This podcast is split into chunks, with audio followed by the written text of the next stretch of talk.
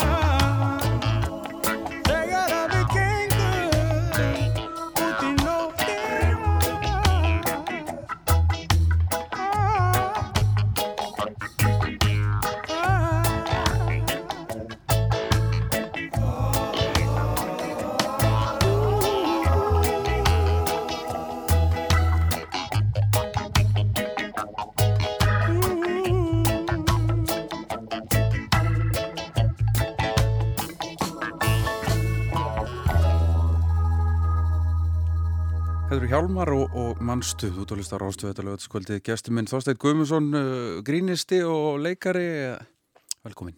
Takk fyrir. Am, e, grínisti, er það uh, starfseti? Uppistandari?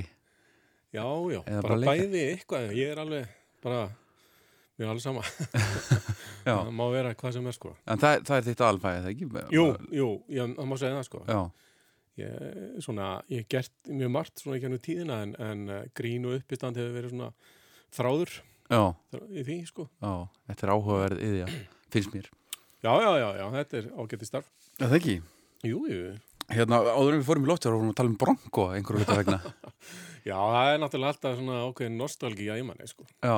Man bara eftir bronkounum úr, úr sveit ég var, var með mömmu, mamma var ráðskona í Skaga fyrir því galanda og Já. þar voru svona fallegi sveitabílar og, og hérna eru töff. Já, ég er einn af þeim sem að ég finnst bara nýjir bíla ljótir ég er ekkert að kaupa það, mér finnst það eins og bröðresta en, en, en, en hérna það er vist ekki hægt að gera svona bíla í dag sko. Nei, er ekkit, þetta er ekkert praktíski bíla sko. Nei, ekki neitt sko. sko. vondu bíl þeir eru flottir já, já, já, já. það er það sem skiptir máli en hérna, ég sendi þér hérna fyrir vikunni 20 spurningar, já. þú er búin að svara með 20 lögum Mm hvernig var þetta var þetta strempið verkefni? Það var smá hausverkur af því að ég fór að taka þetta svolítið alvarlega. Og, hérna, og þetta fór ekki að ganga fyrir ég hætti því sko. En um, varst að ringi vini og svona nei, ég bara undir konuna mína reyndar. Já. um, sko málið er það að ég var ég hlustaði ekki mikið á pop þegar ég var strákur úlingur ég var uh, ég spila á trompet var, var í tónlistaskóla Já, hlustaði mikið á klassíska tónlist og, og, og jazz mikið. Og poppi var bara svona meira það sem var í útvarpinu. Já, það var bara einhver síbílja e, já, ég, sé- ég leit ekki niður á það en eitt svoleiðis en, en hérna ég fór ekki að tengjast í eitthvað sérstaklega á þessum árum. En um, Varstu góður og trompetleikari? Eða ertu? já, ég, já, ég var ágætur sko, ég var svona að hugsa ég ætlaði að fara og læra þetta Já, og vera hljóðfærarleikari já, En á þessum árum þá var þá var uh, þá var framtíðin sko, ég sá það þannig að ef ég hef farið og orðið trompetleikari þá ég þurfti að spila í symfóniuljósund og, og klassíska tónlist og mér fannst það einhvern veginn ekki alveg nú spennandi. Ég var svolítið meira fyrir jazzin og frístala í 20 myndur já, já, já, já. Ég var, ég fekk aðeins að spila jazzi, ég var í FIH þarna, þá var FIH rétt að byrja. mm. En það var bara ekki komið þetta líf í, í tónlistana sem að, sem að er núna sko. Já, einmitt og svo bara kallaði leiklistin og þannig að ég skipti yfir mm. ja, þetta var mjög skemmtilegt og, og, en þetta er svona ekki alveg ekki alveg lögin sem ég vel fyrir þennan lista sko. Nei, þú vildi byrja á hjálmum Manstu? já, þetta er nú þetta er nú bara vegna þess að að það er hérna vinur mínir í, í, í hjálmum þetta eru strákar sem ég sem hef unnum með og eru, eru Helgi Svavar trómari er, er góðu vinur minn Mm -hmm. og um, ég held að hann sé nú skrifaður sem annar höfunda þessar lags og svona. Bara smá tenging þar sko. Já, var þetta í, í hérna, okkar einn Oslo? Uh, nei, Nei. það var reyndar hérna Það var eitthvað hjálmala í henni Já, ég valdi það hérna setna á listanum já, sko. já, já, ok. Það heitir bara okkar einn Oslo held ég. Já, mitt, við komum að því og, og, og eftir. Já, og við höfum örglega eftir að tala meira um trompet og jazz þannig að jazzmúsík hérna í kvöld og það er Eh, jazzáttíð og svona já, já, nákvæmlega. Allar á jazzáttíð? Nei, ég, ég veit það ekki. Ég, hérna, uh, ég, ég fer stundum á tjástónleika en jazzin er bara svona það er svolítið breytt breið skilgreining og ég er ekkit að fíla allan jazz. Nei. Þú veist, fólk heldur að þetta sé bara eitthvað svona þröng tónlistastefna sem, það- er alls ekki. Mm Og ég er til dæmis að hlusta á núna sem að við kannski komum að, að á eftir, ég er að hlusta á, á hérna, e, stöð sem heitir eh, FM, hvað heitir hann, Extreme, eitthvað svo leiðis. Og þar er svona drum and bass og Já, alls konar svona... fullt af jazz það er jazz. sko. Þannig að jazzin hefur farið svolítið skrýtna leiðir og er ennþá alveg bara sjóðhittur sko, Mhm. á dansstöðum og svona. Þetta, fólk er ekki alveg að fatta þetta, sko. Nei, nákvæmlega En svona við förum í öskuna og, svona fyrsta lægi sem að þú manst eftir að hlusta mikið á Spóla tilbaka? Já, einmitt. Sko, ég var, ég vel nú þetta lag bara kannski tilveljunu, hérna, en uh, The Human League var, sko, þetta var alveg mjög heitt hljónsveitur ég var rúlingur Já, og, og hérna, Vam og Djúran Djúran var svona, þetta var mikið í útvarpinu og, fóst í það stríð? Nei, mér var alveg sama, sko. Já, Ég hafði ekkert skoðun að mér varst Vam bara svona skrítin veist, svolítið svona eins og fyrir eldra fólk, skilur já, svolítið væmið. Djúran Djúran var flott hljómsveit á tíðanbili og, og hérna en, en hérna, ég kannski var ekki treyst ekkit rosalega með en en, um, en svona þeirra, þú veist, það er á þessum árum sem að, sem að maður fer að, að uh, breytum svona hætti, sko, maður fer að hlusta á lög sem að passa við partí, maður fer að djamma og dansa stelpur og, og þá kemur alltaf önnur upplifun á tónlist já, nákvæmlega Þannig að Og og var Human League heitt hjá Já, þér? ég bara hendi hérna inn, Don't Já. You Want Me Baby, sko. Mér finnst að það er svona lím, svona laglína og ég, ég veist ekki um að ég hafi hlustað á það mjög oft.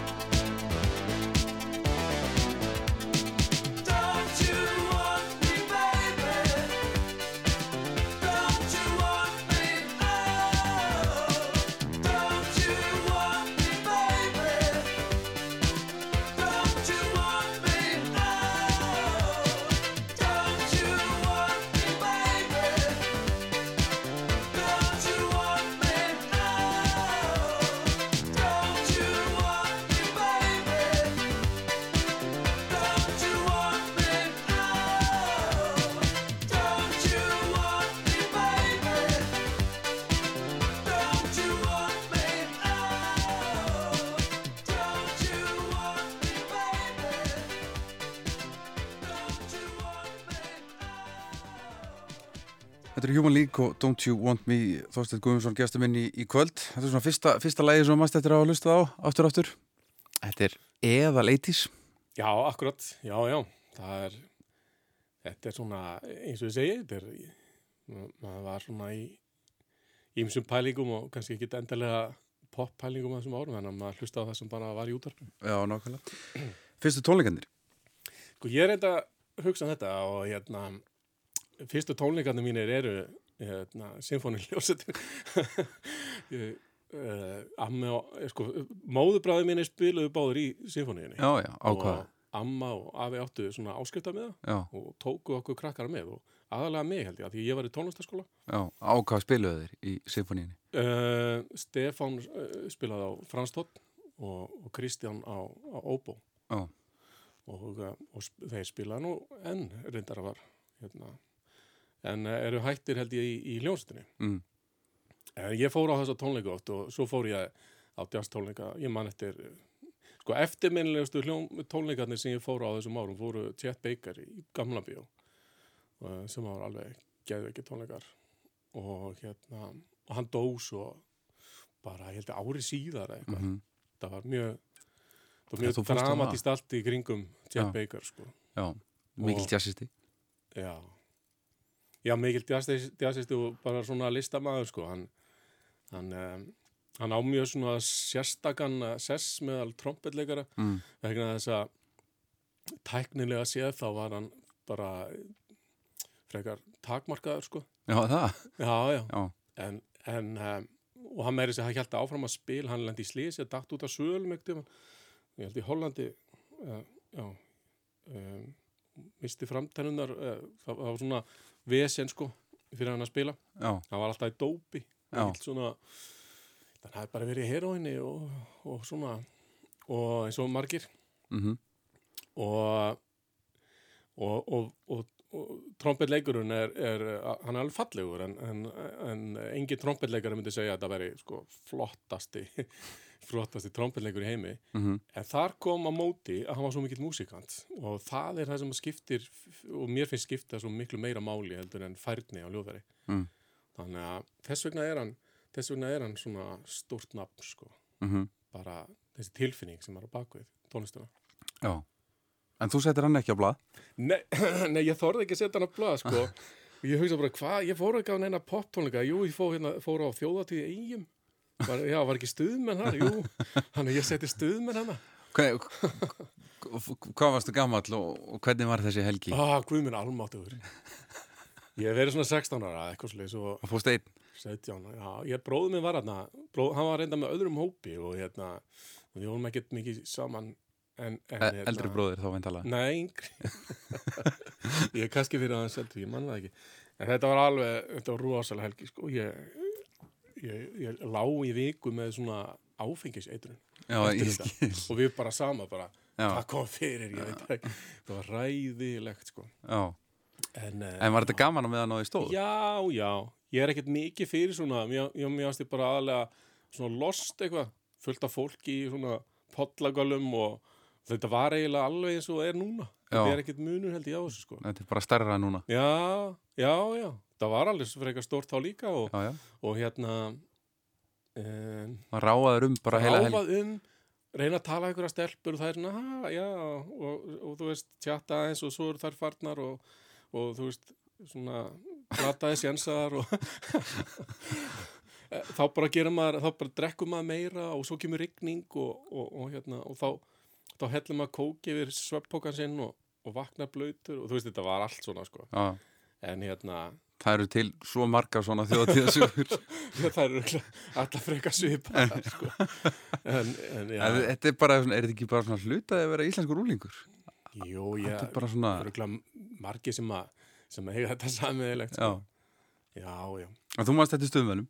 já, með voru þarna ég hendi þeim bara inn Já. og um, ég held að uh, þennan vetur hafið þau verið með sko með allt á hreinu í bíó og komuð þarna á þjóðatíð voru með búningana og sjóið og, og, og allt mjög skemmtilegt Mm og þannig að já, bara ég leifi þeim að eiga fyrstu tónleikana þó það sé líð Góð saga. Út í eigum. já, já.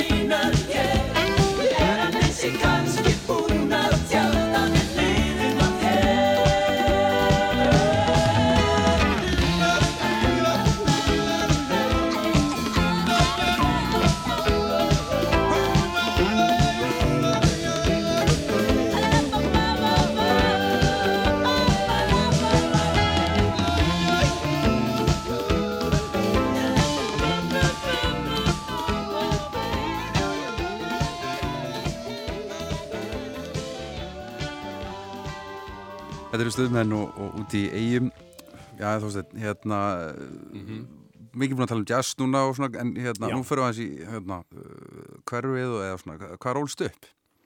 Ég hálst upp í Fossvegi, svona mest af hluta til. já bara hérna í, í garðinum hérna Já, þarna reyndar hinum með við elliðarnar, gata sem heitir Undraland. já, já, Og þar, skal ég segja, er í húsi mitt var gammal sugumbústaður sem að papp og mamma kiftu, þau, þau vildi ekki, þau voru búin að festa sér íbúð upp í breiðolti og fa- fannst það eitthvað of svona plebbalegt, þau voru hippar og svona. já Og En var þetta ekki bara útkörfi? Var þetta ekki bara enda Na, jú, jú, þannig lagað. Um, þetta var svo sem málega byggt upp þegar ég var þarna. Já, En, uh, en uh, okkar hús var alltaf öðruvísi en, en hú- húsin og, og þetta er mikið svona verkfræðingar og tannlagnar og svona sem búa það. En mamma hins vegar vann hérna hjá útvarpinu. já, Hún hvað hva gerum? hún var með Óskari sjúklinga til dæmis. Já, Þetta er Helga Stefansson.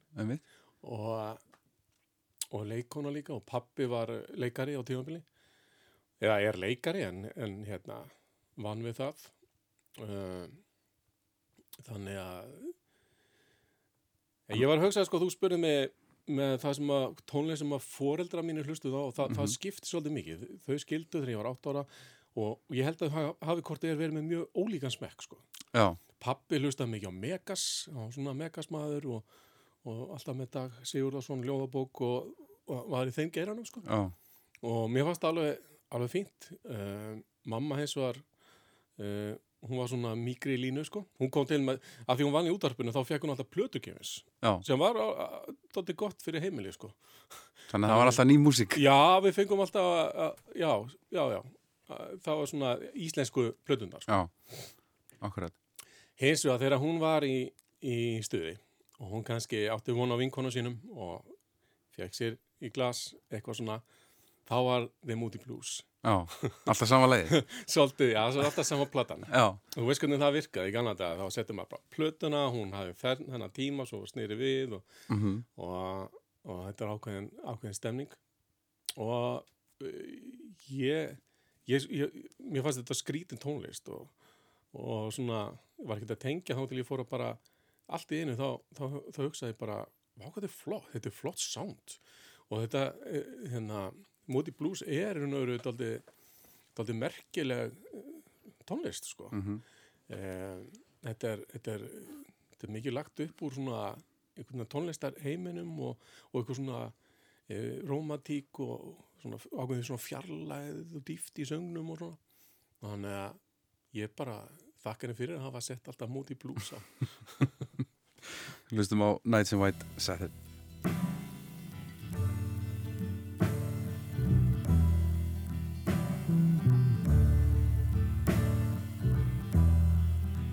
Nights in white satin, never reaching the end. Letters I've written, never meaning to send. Beauty I'd always missed with these eyes before just what the truth. I can't say anymore, cause I love you.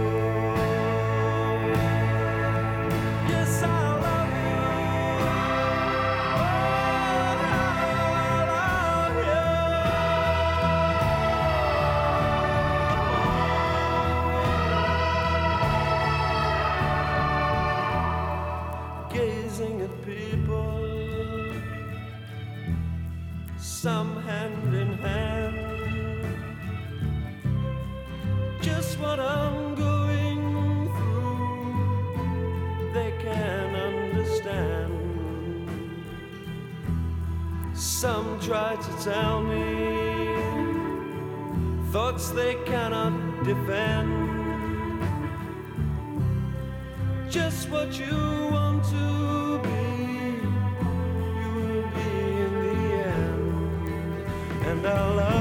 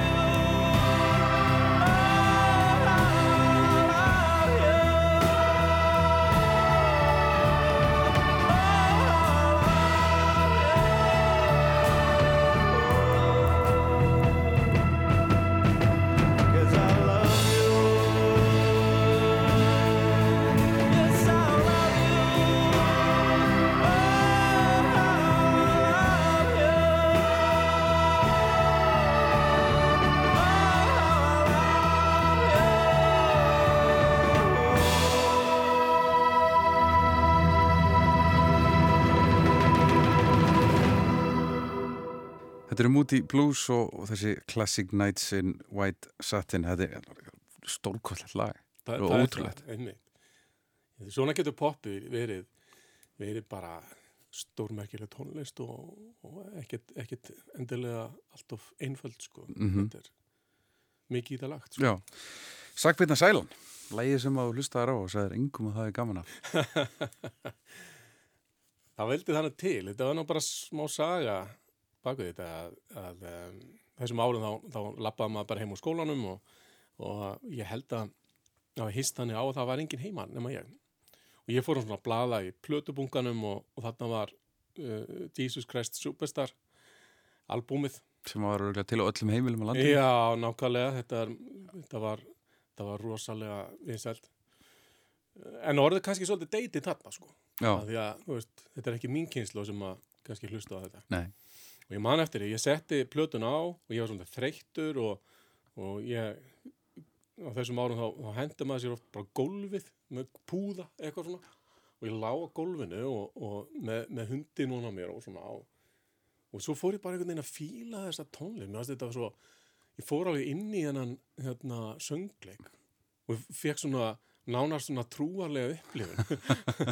Og allt þetta góða sem að sem að, sem að kristni getur staðið fyrir og, og, og, og ákveðin svona hippa fílingur í því það bara, það var svona smá upplifun og þannig að ég fór svolítið að spila þessa tónlist og, og Jesus Christ Superstar bara, þú veist, einrúmi já Já, þú fórst ekki trúppor og svona út í skóla Þið verður að hlusta á þetta Nei, nei, nei, nei, nei, nei. ekki, ekki svoleið sko. þetta var bara hallærislegt sko. Já, en, en hérna svo er þetta, þetta flott lög og skemmtilega, skemmtilegar útsetningar í þessu sko. mm. er, en, eh, Ertu söngleikja maður? Nei, nei, nei, ég, ég það nú ekki endilega en þetta, þetta er samt sko hérna, tengist aðeins leiklistinni það var rúslega mikið tala um leiklist á mínu heimili Mhm. og, og, og hérna uh, bæði sviðist leiklist, leiklist og, og útvars, út, útvarsleikhúsið og svona Mhm. og, og það að segja sögu eins og í, í þessu í söngleik það, ég, ég tengir rosalega vel við það sko og, og að nútíma væða hérna þessa sögu um, um, úr biblíunni. Mér finnst það rosalega góð hugmynd Mhm. og mér finnst reyndar að ég held að við myndum við myndum forða okkur frá miklu vandræðum ef við myndum bara taka kóraninn og, og biblíuna og bara nútíma væða og bara skrifa það upp á nýtt. já, Ég sé enga ástæða til þess að halda alltaf í gamla textan, akkur þróum við þetta ekki bara áfram. Það var gert öldum saman sko. já Svo var ég Svo allt í hennu bara var, nei, það má ekki breyta. Já, Það er ekki, það er ekki rétt. Og hérna, þannig að þetta er ákveðin svona pælinga baku þetta. Sko. já En lægið sem þú valdir úr, úr söngleiknum Já, það er nú kannski svona tilviljun, en, en það er hérna uh, Everything's Alright. Hlustum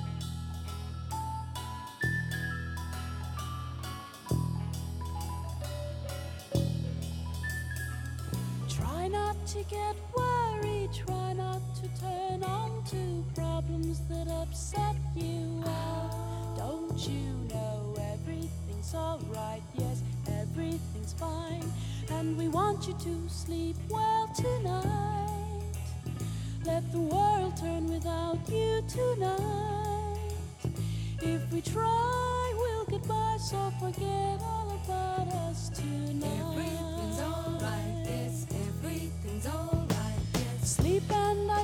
too.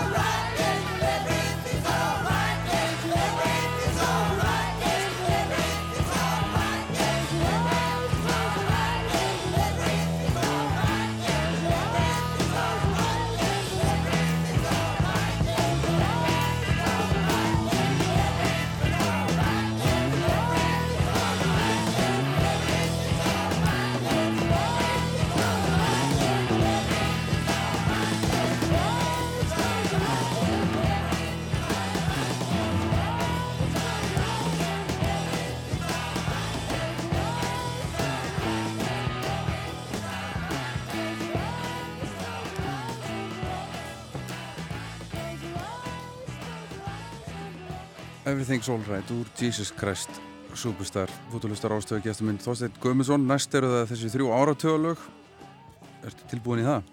Ég er alveg rosa til. Við byrjum í, í 8. áratöðun 70's 70's, sko. Um, Ég valdi nú bara blondi uh, eh, Heart of Glass.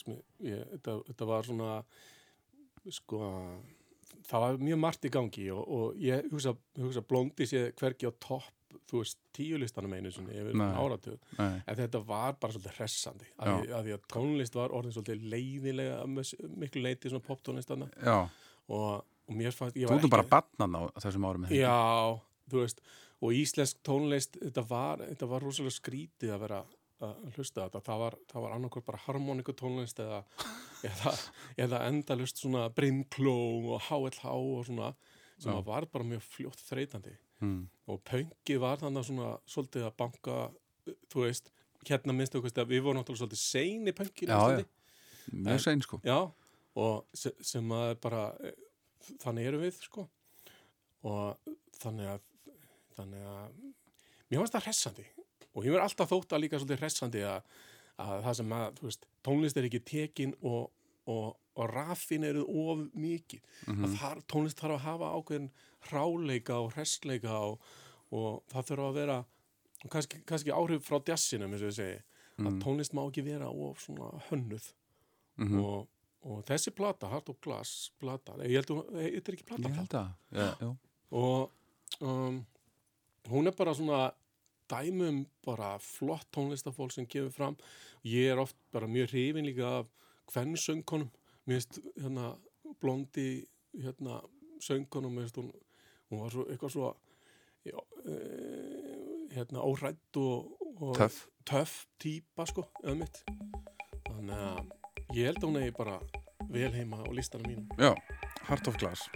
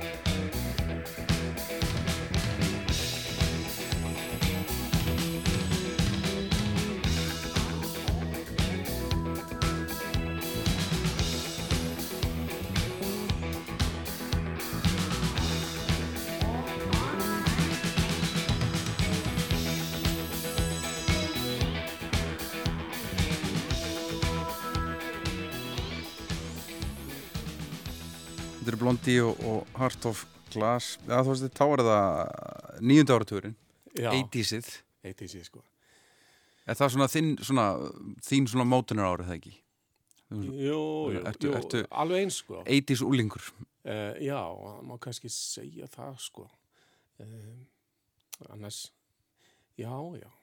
Þa- Þarna kom, kjana, við erum búin að vera með sko, eins og segi, svona, svona romantíki tónlist eins og, eins og djúrun djúran og, og ímislegt sem er svona, það er allt svona gengur út af svona eitthvað svona kýndæmi Mm. og svona, Mikið um synda þarna allt einu kemur inn bara svona ákveðin ráftónlist mm með Yasu sem að maður bara vá, bara hérna, þetta er eitthvað nýtt. Og ég man bara eftir að var, ég var í partí heima og, og, og það kemur eitthvað með þessa plötu og maður heyri bara ba, bara, ba, ba, ba, bara, ba, og bara heyrði, ok, ég á aldrei eftir að gleyma þessari línu. Og, og þetta var eins og segja, þetta var, þetta, fyrir mér var þetta svolítið nýtt sko. -hmm. þannig að, já, don't go. Yes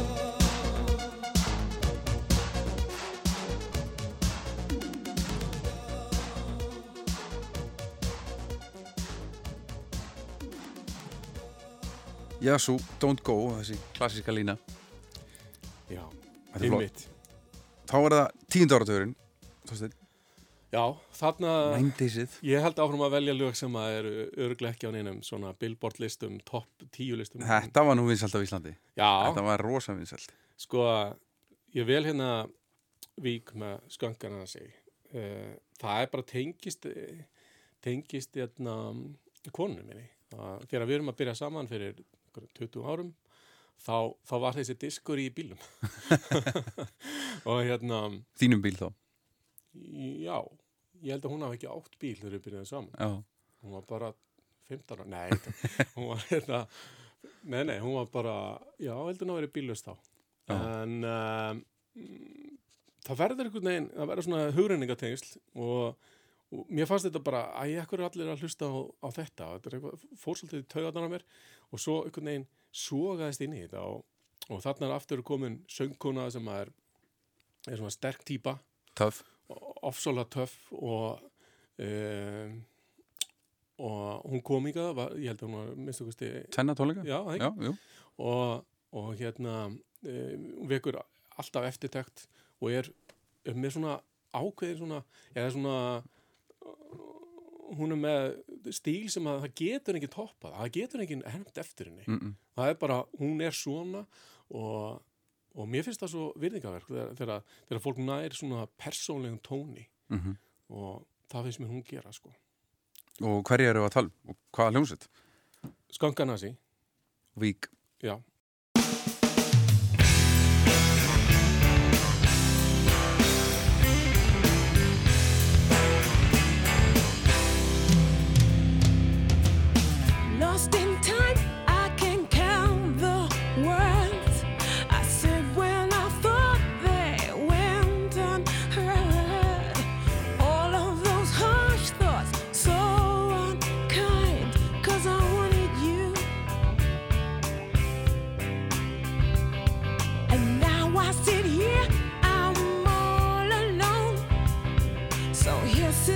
bloody mess, tears fly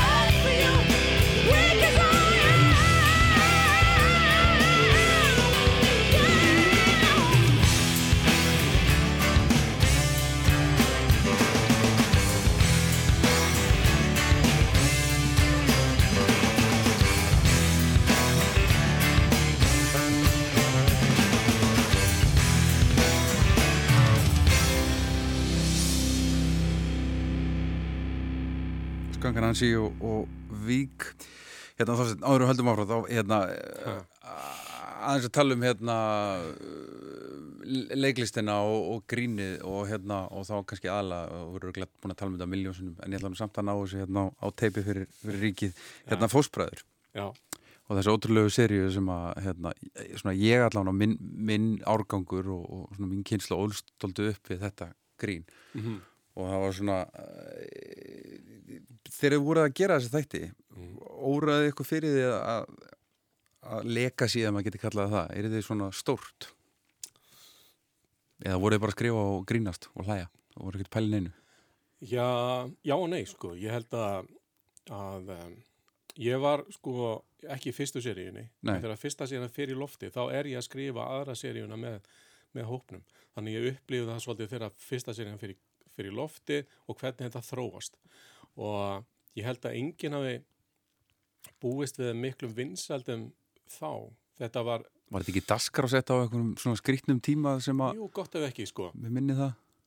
En uh, það svo sem, það horfði allir á allt á þessum tíma. Já, og, og þetta fekk ofsálega sterk viðbröð bara sumir sem að bara, vá, ég aldrei séð hann aðeins og þetta er alveg frábært. Og svo bara var, bara stoppaði ekki síminu bara stöðtu að segja upp áskrift.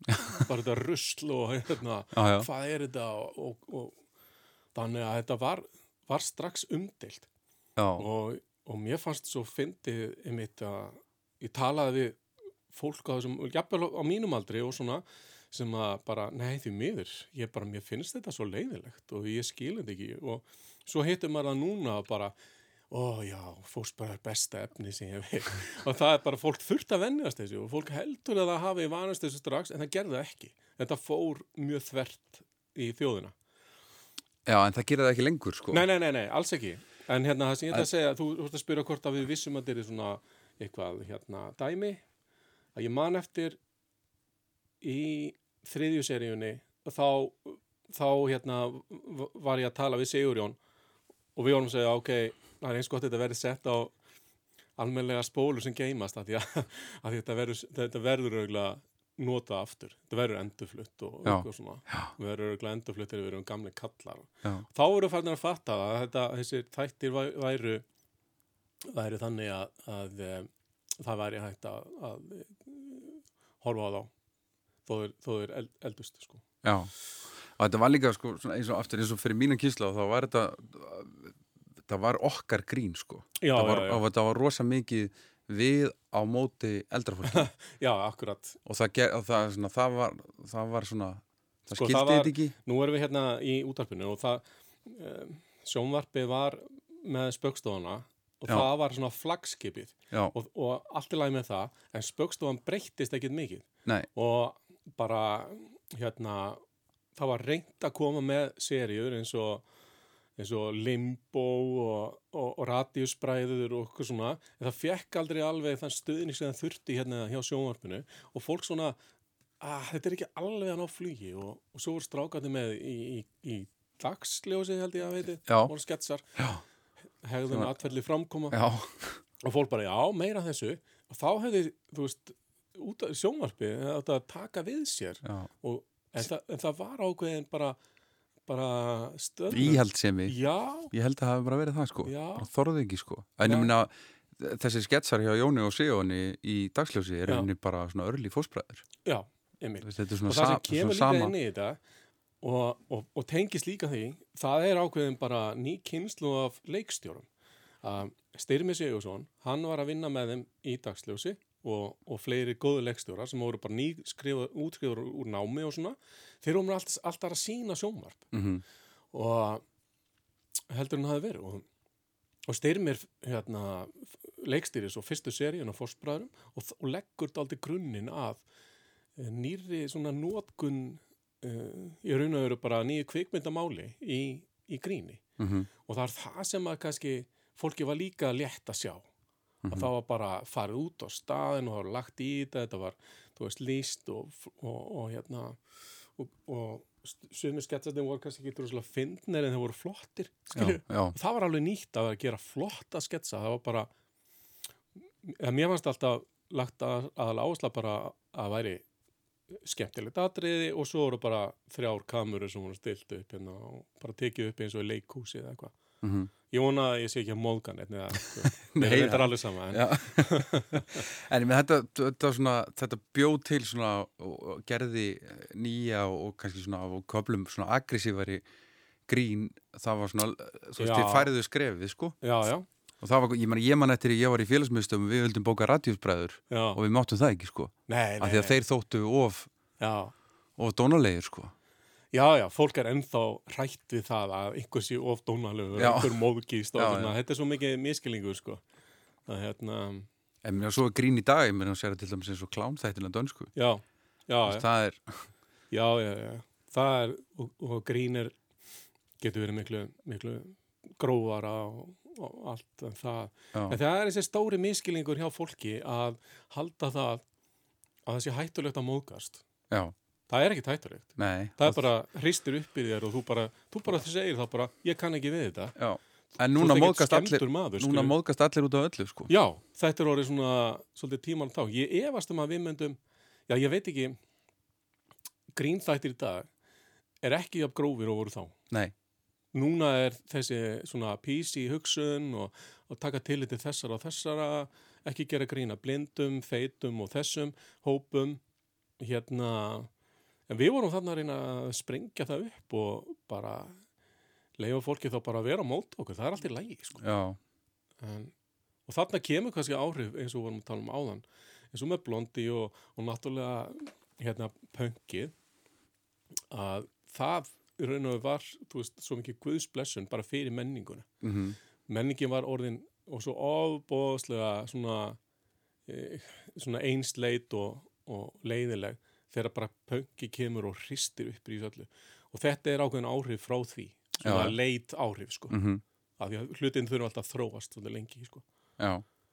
Þannig að, þannig er það. Heldur að, það sé pláss og rými í íslenskum grínheimi í dag fyrir svona nýtt fósbræðara gengi og væri hægt að skrifa svona og fá að gera svona sketsa sem að móðga og íta og taka sko, það er bara ástand í, í bara dagskrágerð.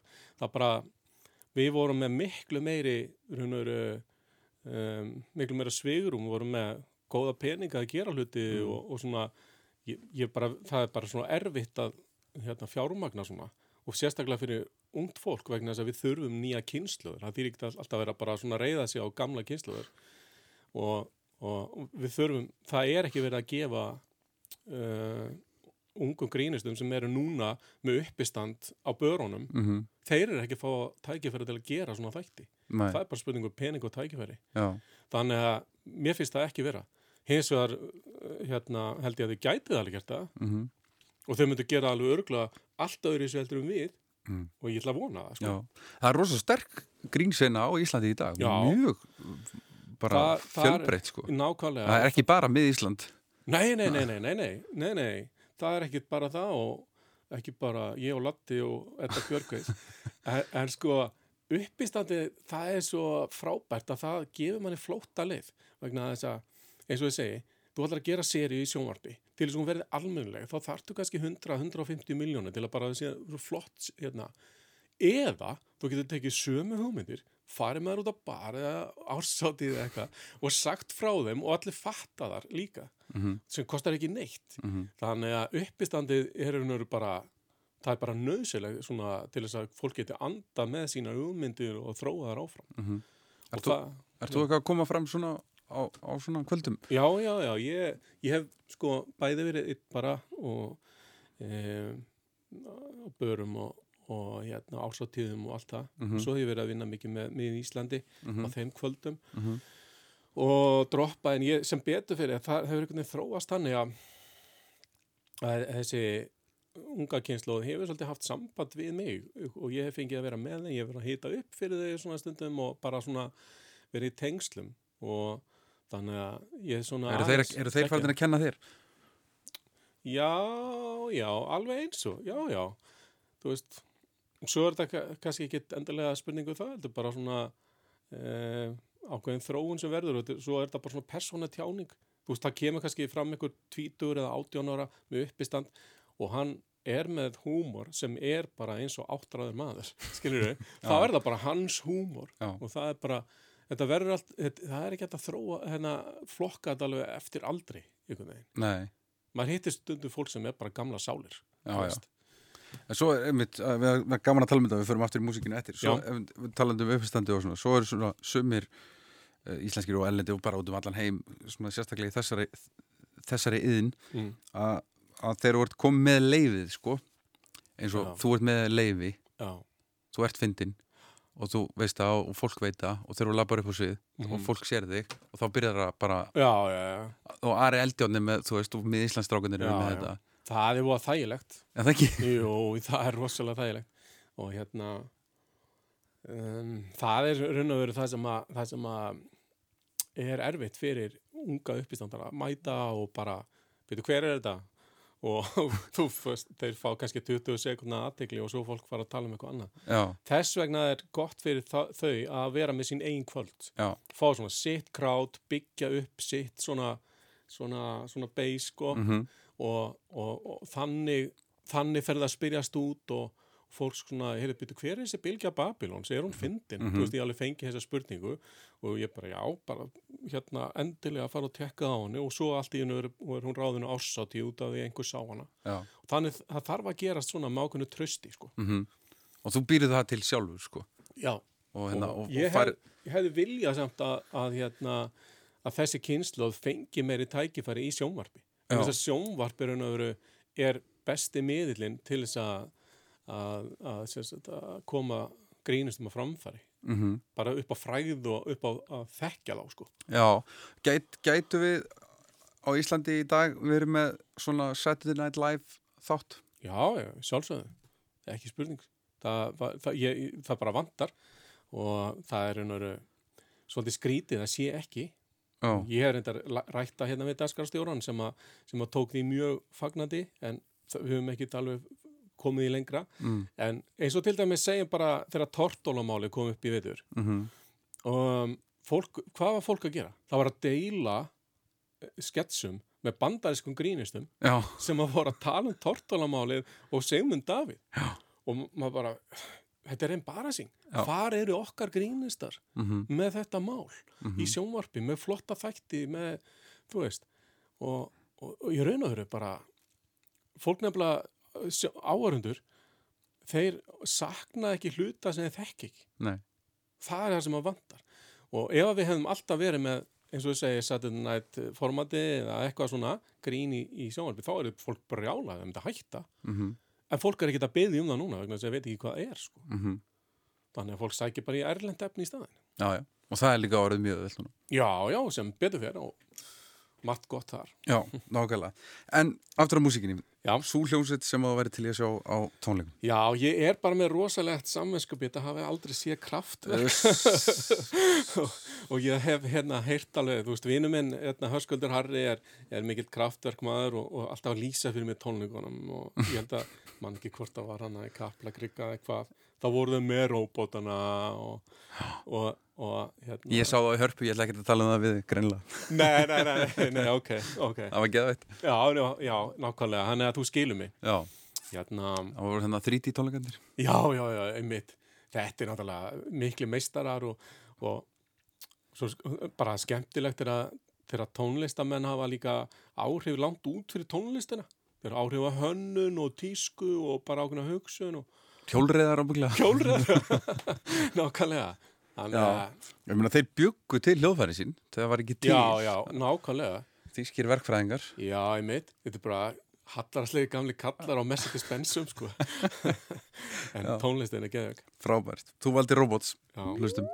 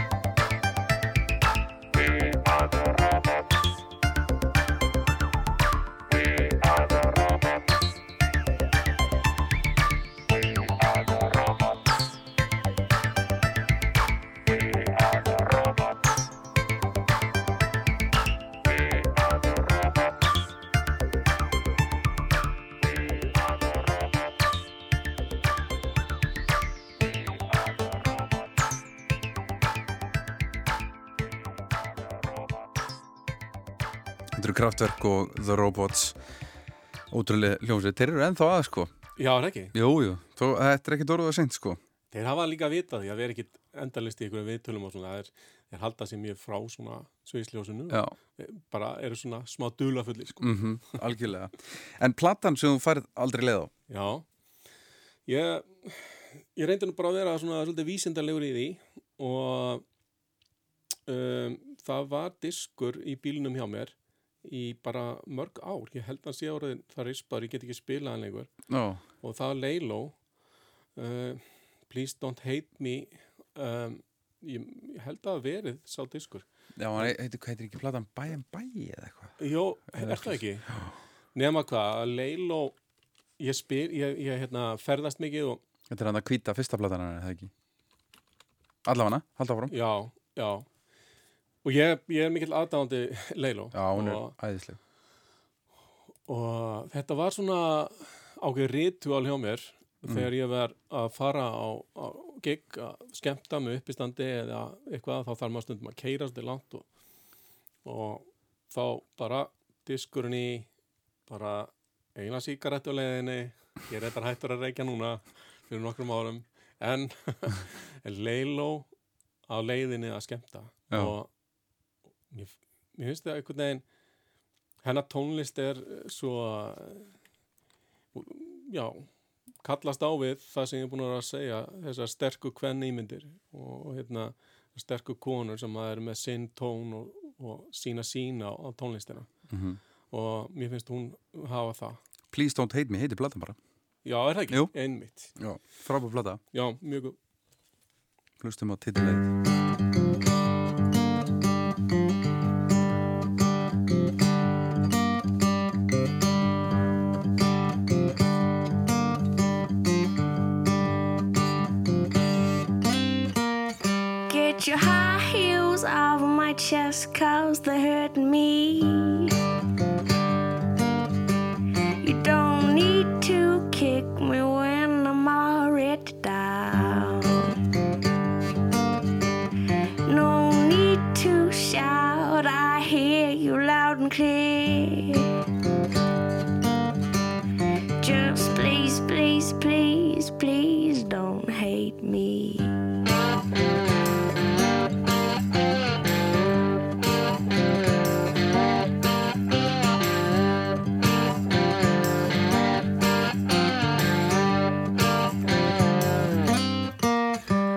can I do to make everything alright? I've tried my best, but now this is way too much. I can beg, I can bleed, I can even make you weep.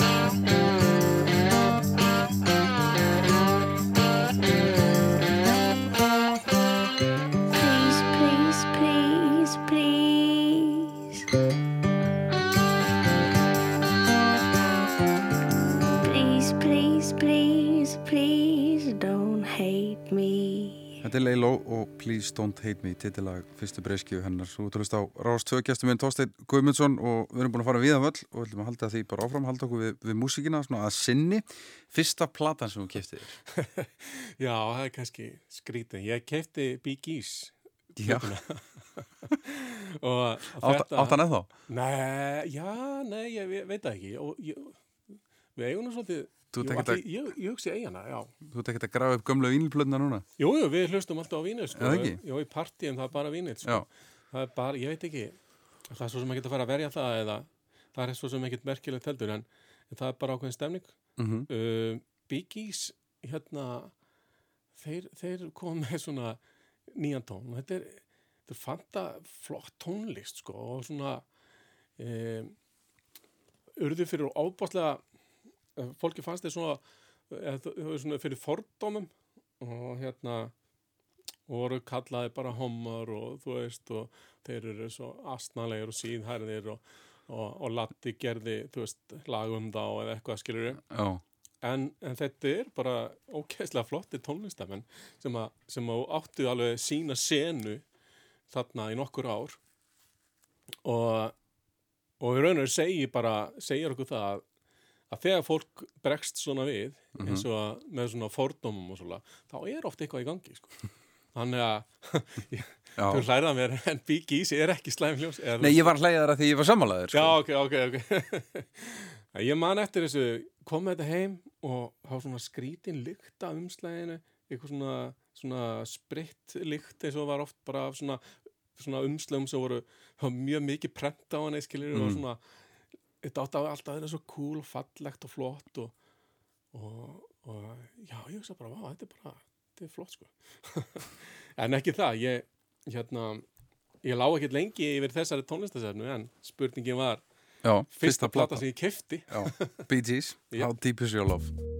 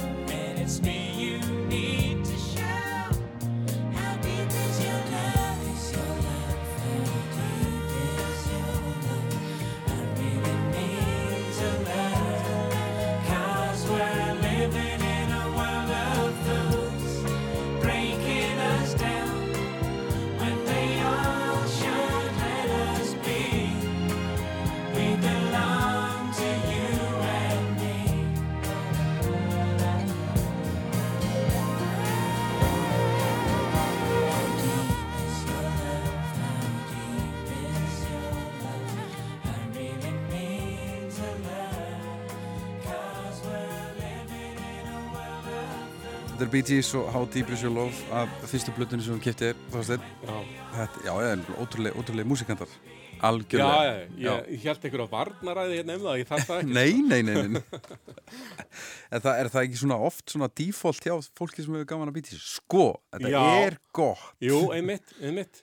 Það er, Það er alveg óþarri, sko. já, það er daldið þannig Já. Næst, uh, kvikmynda, kvikmyndalægið Já, ég gerði mynd fyrir nokkrum árum sem ég skrifaði og leki hétt okkar einn Oslo. Mjög góð mynd Já, þakkaði fyrir. Og það sem að ég var svo heppin að uh, sem sagt, Helgi Svavar, uh, vinnu minn, sem ég myndist á þannig hjálmum, mm. hann uh, var með skorið í myndinni og Mhm. við báðum hann um að, um að uh, sem sagt, uh, hjálpa okkur að gera svona þemalag. Það þarf náttúrulega að gera mynd um Helga Svo við byrjum á honum aðeins Já, ég get nú sagt þér, ég bara hitt hann á leiðinni, Já. náði ekki að tala við hann, er komin á þann minnsta sendibíl sem ég Já. æfum minni síðan, hann er alltaf með eitthvað svona skrítið og skemmtilegt. Sko. Hel Helgi sem þetta er svona trommari hjálma Já. og hérna mjög skeggjaður og, Mhm. og skemmtilegum, skemmtilegum maður hann er alltaf með einhverja sögu Já, já, já. sem að er uh, svo ótrúleg að hún er eiginlega ég held ég segi alltaf, ert að ljúga þessu. Nei, nei, nei, Einmitt, hann er þannig maður sem hann lappar inn í herbyggi og það er bara, það er allir orðni bestu vinnur og, og það er ekki lígi og hann á, hann á sko frægustu trommarar heimskilur senda honum trommu sem sko bara, þú veist þetta er fáralegt hann er ótrúlegur. og ég elska svona menn. Já, nema hvað, Helgi hérna, hann fyrir að stað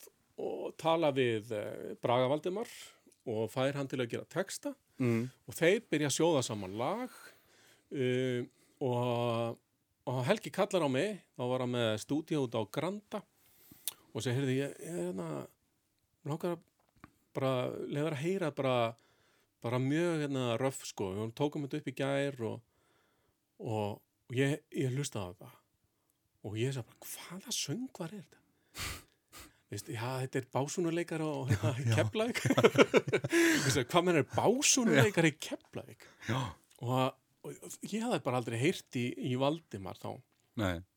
En, en Helgi sagði, já, veistu það, bara röddin á honum, hún er bara svo að hún er jafn góð niðri og uppi. Og hún er alltaf góð og hérna og hann gæti alveg orðið góð söngvari. Og ég bara, já frábært, þú hefur vita á þessu, ég, ég er að fíla þetta. Já. Og þessi, þetta lag það hérna hjálpaði okkur svo held ég að um, að ná svolítið inn áhörundum og gera myndina svona gekk hún ekki vel? Jú, hún gekk mjög vel, ég held hún hafa farið í hátt í 40.000 sem er bara svona, það er bara, það er mjög gott núna það er sko. mjög gott sko Já. ég er nefnilega horfið á þessum mynd nýverið Já. tvísvar Já, þetta segir mér í flugvél já, Já, hún er endalust í váflugvél Já. og hérna, já, ég flög með vá, ég man ekki alveg hvert ég var að fara en Nei. ég fór í svona langa helgi og Mhm. horfði á hana leiðin út og svo horfði á hana aftur og gat, Já. men, horfði á hana með mjög, en og, veistu það, ég vorkin er ekki neitt vegna þess að ég þarf að horfa á þetta þegar ég fer til já, útlanda já, það er verra með fólk í kringum Já, mig, það er- það er bara það er og óþægilegt þá sko. horfa flugfreyðna svona á mig bara, ha ha ha, gott á þig þurfa að horfa á þetta en aðeins að þessari mynd, svo við spilum lægi hérna, þú, skrifar hann sjálfur og leikst þér í sjálfur eða? Nei, nei, Nei. reynir já, leikstýrði reynir, alveg myndinni. Ég skrifaði hana sjálfur, ég reynda með smá hjálp frá Sigurðunni Kjartansinni, við vorum svona á fyrsti stigum þá. Mm, skrifaðum hana aðeins saman og svo, svo tók ég hana áfram. Já, og um, var ofbáslega lengi í bígerð og ég var reyna, eiginlega búin að gleyma henni þegar pródusserinn framleiðandinn hérna ringdi og svo herðu ég held þessi komið styrk fyrir myndin ha, hvað, veitu, já, þessi já. Og En- svo gerðist hún og þetta var allt svo ljúft og þægilegt og indislegt sko. Já, þetta er nefnilega þetta er svona, þetta er bara al íslensk svona romantísk gamamynd já, já, einmitt. Og, og með svona Feel íslenskum mynd. fílgút en samt með svona íslenskum háalvarlegum undirtón sko. já, það er þetta, hún átti aldrei að vera romantísk gaman en veginn hún var það. Hvað átt hún að vera? hún, sko, fyrst var þetta þegar við Sigurjón vorum að skrifa þetta þá átti þetta fjall, þetta átti að vera bara svona gamavind sem fjallaði um, um fólk sem var að byrja saman og var að kynna börni sín. Já, og þetta var svona þetta átti að vera svona eins og fransk frönsk svona, þú veist eh, að það sem að það sem að fólkið var að reyna að ná saman en börnin voru óþólandi og náðu ekki saman. Já, og það eimir aðeins eftir af því þeirri hugmynd í, í myndinni en það er náttúrulega pínu fyndið að þú veist, af þeim sem að leikurum á Íslandi sem að hafa leikið aðal hlutverkin, kallhlutverkin í romantískum gamamyndum, þá er það ég og Jón Gnarr. Þú veist að þú veist, við erum það sexy guy sko. En hérna ég hef nú að grínast, en sko það var einmitt pælingin að, að hérna, þetta væri pínlítið venjulega fólkið, daglega lífið, sum og bústæðir og allt þetta sem við fílum, við erum svo við erum svo mikið svona hobbitar á Íslandi við bara, hvað fílum við? Við fílum að grilla Já, já. og fara út á bát og hérna Verið í búslanum. já, einmitt, erum í bústæðanum að slaka á Já, en samt aldrei að slaka á, alltaf að gera eitthvað. Já, einmitt og svo eru alltaf fann að fylgjast með öðrum og þú veist, hérna Já, það verður en það, það er margt í þessari mynd sem að sem að mér þykir væntum í lífinu. Ég ætla að setja það inn sko. Þannig að og svona nokkra sögur sem að sem að hérna eru pínu faldar sem að eru úr mínu lífi. Já, og eins og sýsti mín í myndinni Mhm. það er byggt á frænda mínum í lífinu. Já, ég skil. skilur já, þannig, að, þannig að hérna ég, já ég, ég gaf svolítið af mínu lífi í þetta á þess að, á þess að þetta væri einhver sjálfsafjarsaga sko já, einmitt. Þetta er skemmtileg mynd og hérna, hérna, það eru no, nokkar frábæra sinnur eins og þú kveikir í bústanum, sko. Ég hata hann að helist bústan. Þú voru að eigða allir æfinni að hafa allt, allt fullkomið, Þannig en að hata það. sama sem að, já, þetta er þessi frændi minn sem að, sem að hérna sem að sýsti mín í myndinni byggð á Já. hann kemur, hann spyr mér alltaf nokkur í svona ári Steini, akkur er kveiktur í bústanum hún finnst það svo hvað varst að pæla, hún finnst það svo ólíkt mér sko, hann var kveikt í bústað sko og, og hérna, akkur er gerður hann er ennþá svolítið sjokkar að þess Og hverju svarar Ah, Ég reyndi einhvern veginn að afsaka það. Það væri, það væri nú allt gert svona í svona, einhverju svona í tölvu og svona en. Svo segi ég bara, já, ég var bara svo reyður. Já, já, já, ég skil við. Skulum hlusta á okkar einn Oslo. Langið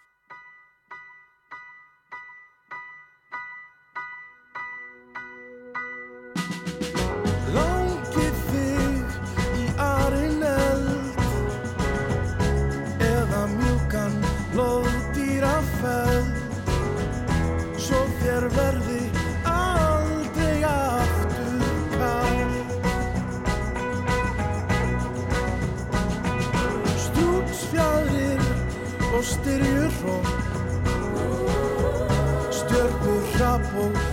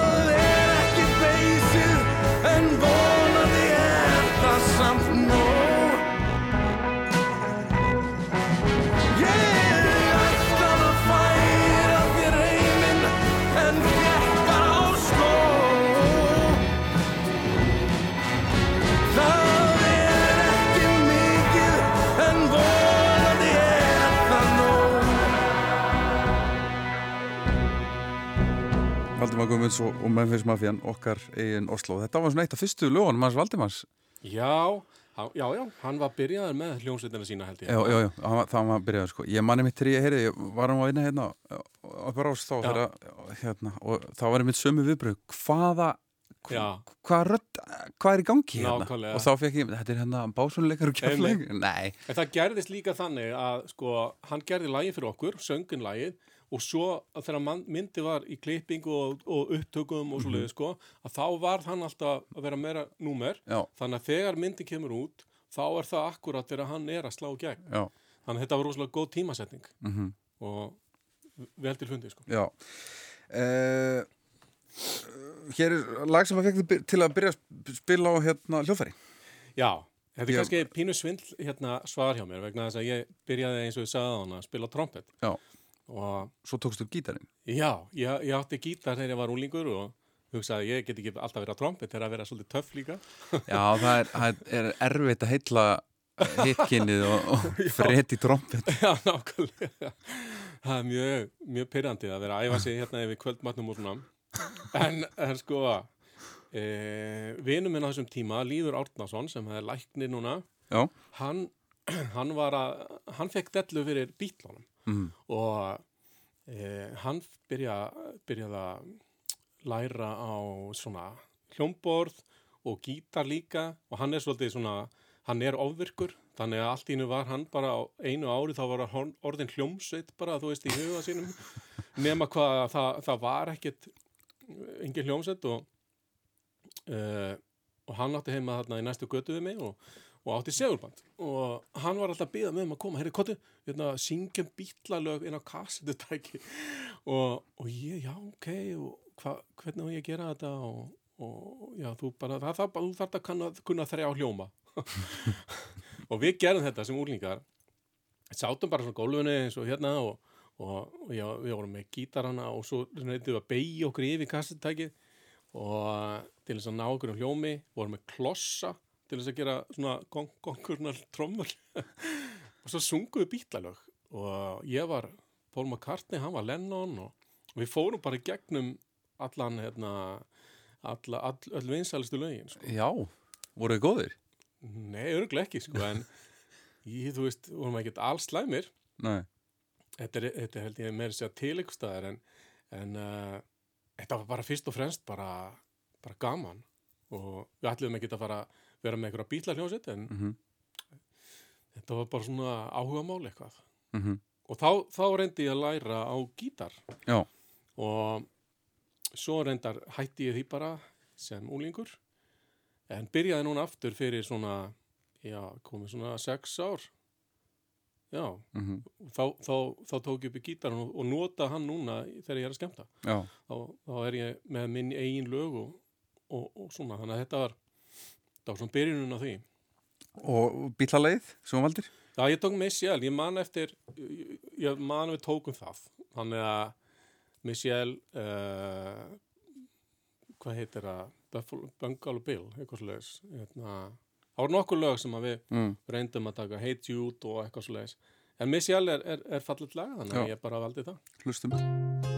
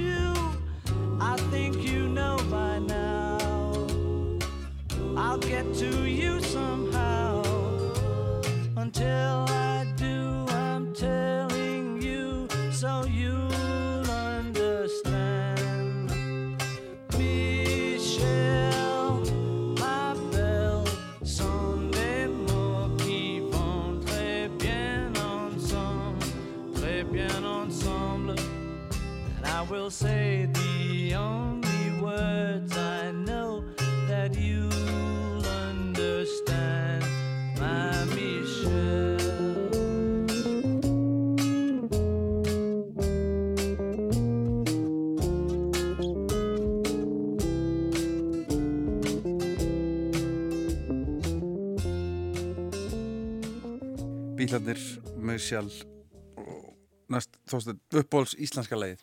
Já, þetta var nú hausverkur sko. Já, þetta er, þetta er sennilega mesta hausverks spurningin. Það Er hvart, ekki? það er hvart að margir yfir þessu. Ég var lengi vel, uh, já svona ég, ég skipti bara oft um og mörg ár þá var ég með lag með Villa Villa heilanum sem heitir Manni, Mhm. mjög sérstætt lag Mhm. og sem er svona talað og sungið til skiptis, segir skrýtna sög. Villi Vil var með svona, hann var náttúrulega dásamlega söngrödd Mhm. en pínu skrýtna talrödd. Þannig að ef þið hlustið á lagi Manna þá, þá, þá heyrið þetta, þetta bara mjög speslega. En ég valdi það nú ekki núna. Uh, ég fór að hugsa bara aðeins að breyta til og, og um, valdi Au- augun þín blá Mhm. sem að er, er eftir bræðurna Jón Múla og, og Jónas. Og þeir uh, voru miklu meistarar og ég, ég, mér finnst ég alltaf skulda Jóni Múla svolítið vegna þess að hann var með djastætti hérna á Rúf. Ég held að hann ekki verið komið rástöð þá. Og ég satt alltaf heima og tók þess að þættu upp á kassatæki og, og, og hlustaði og þetta er ofbáslega vandaðir þættir um, um jazz. Fóri gegnum allt, hann var allt skrifað hjá hann og skipulagt og, og þetta er einu bestu þættir bara sem að, sem að hafa verið fluttir í útvarpinu. Og, og ég hlustaði á þetta og, og, og fyrir mér var Jón Múli og, og er svolítið svona, svona góðsögn sko. Já, Síðan tengjast þeir bræður líka leikhúsinu og ég lék einu sinni leikriti sem að heitir Delirium Búbónis sem að er eftir þá sem er með mörgum þekktum lögum líka eins og hérna eh, hérna út er alltaf að snjóa og, og fleiri skemmtilega lög það sem ég, það sem ég líka kynntist skemmtilegu fólki. Rúrik Haraldsson var hérna og Bessi, nei, var ekki Bessi? Jæja, það var kannski annar leikrit En þess þess að gamla, já, Átni Tryggvason var í þessu. Og þannig að eins og ég segi, það, það er ákveðin tilfinning sem, að, sem ég fer eftir fyrir ekkar heldur en heldur en uh, einhver rökheikja mhm, og þess vegna valdi ég þetta. Og textin er, er skemmtilegur og, og, og mér langar reyndar að koma í að ég, ég hlustaði á þetta. Og lagið er með Óðinni Valdimarsinni sem var frábær söngari mhm. uh, ég skil ekki að þetta lag hafi ekki verið gert aftur. Og ég eiginlega nú vil ég bara helst fá Valdimar til þess að syngja þetta lag. Valdimar Sigga Guðmunds eða, eða Þorstein Einarsson sem er líka mikill uppáhaldssöngar hjá mig þó að hann sé svolítið öðruvísi heldur en þessi söngarar ég vil fá þetta lag aftur og mér finnst þessi útgáfa einhvern veginn uh, kalla á nýja útgáfu hún er ekki slæm en ég vil fá aðra útgáfu Já, þú bara hérna eh, nót gerir það í næstu mynd. Já, e- einmitt, frábært. Það er komin ástæða fyrir því. Augun þín blá. Augu þín blá eru mitt ljósa ljós munnur þinn hýr er mín rósa rós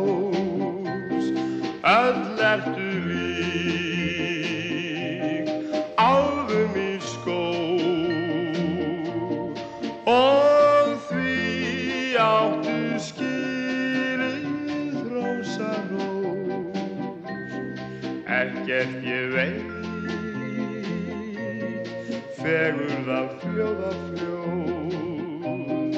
Þú hefur kveikt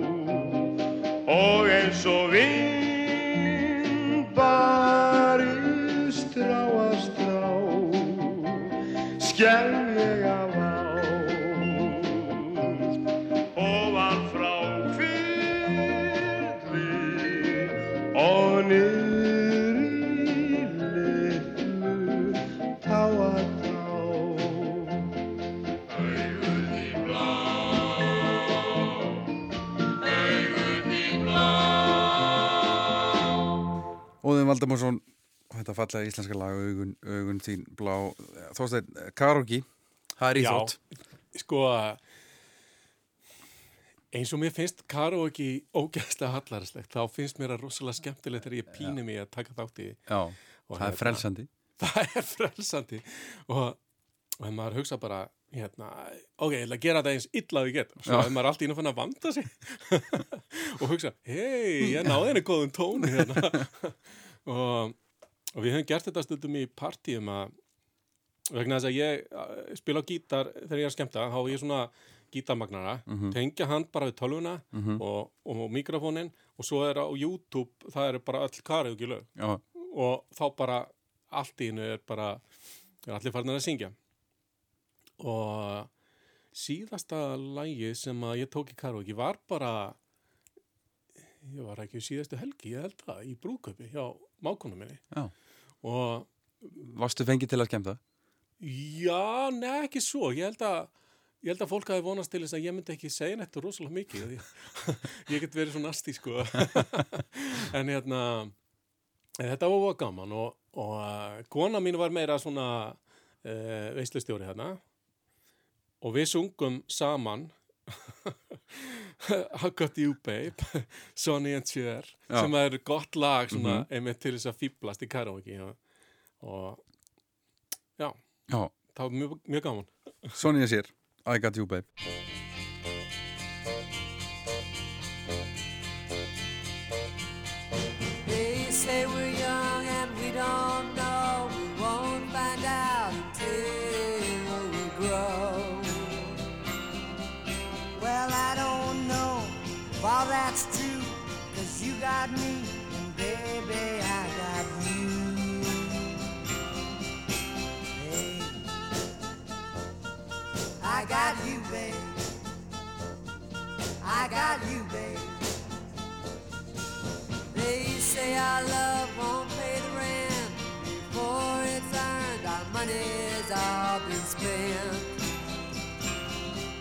I guess that's so we don't have a pot, but at least I'm sure of all the things we got. Babe, I got you, babe. I got you, babe. I got flowers in the spring. I got wear my ring. And when I'm sad, you're a clown. And if I get scared, you're always around.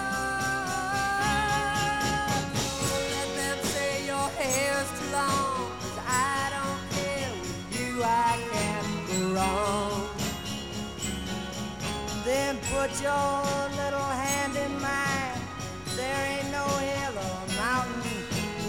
climb.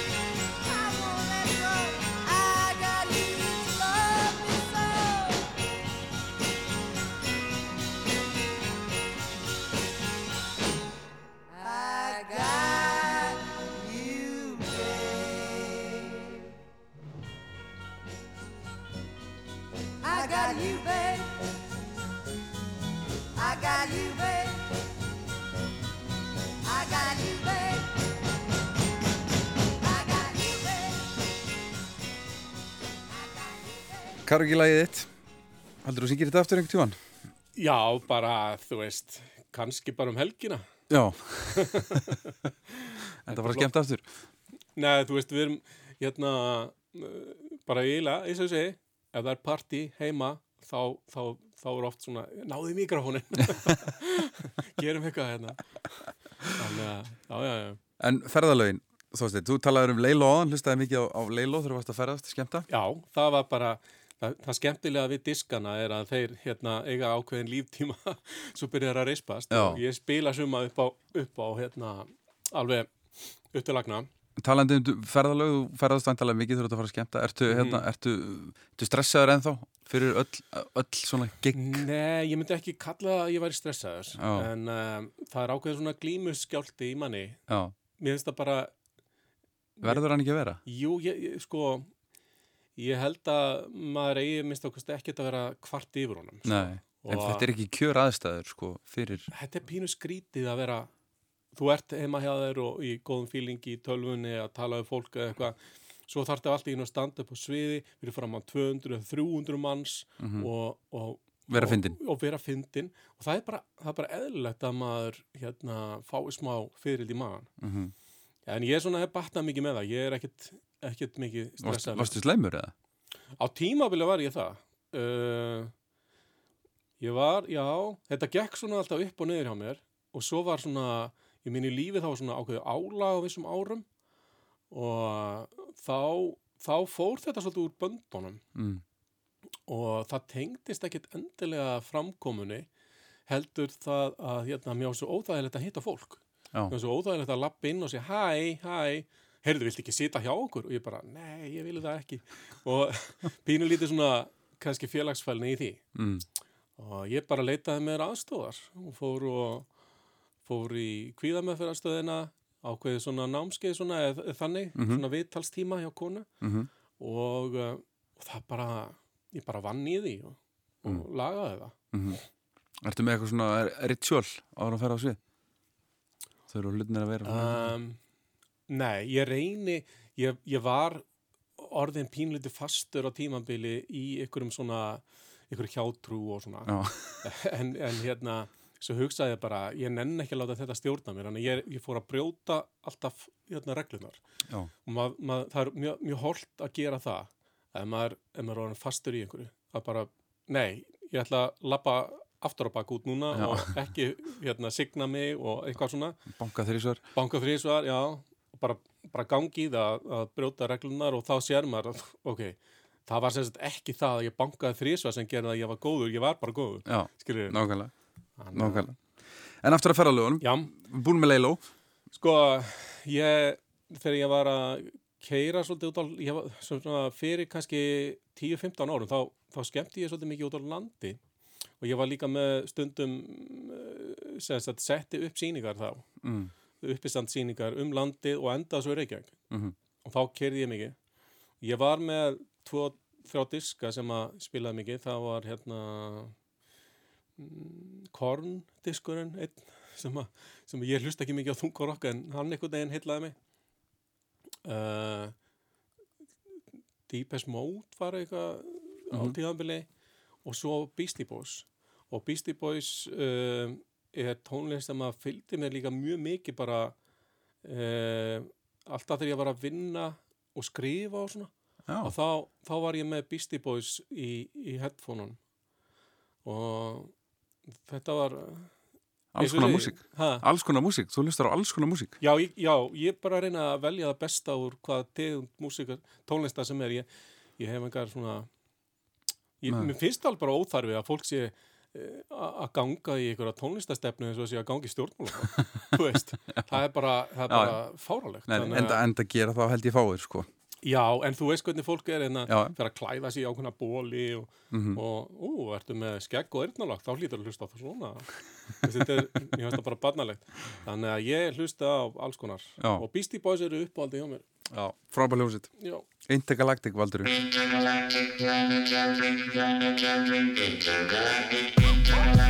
Well,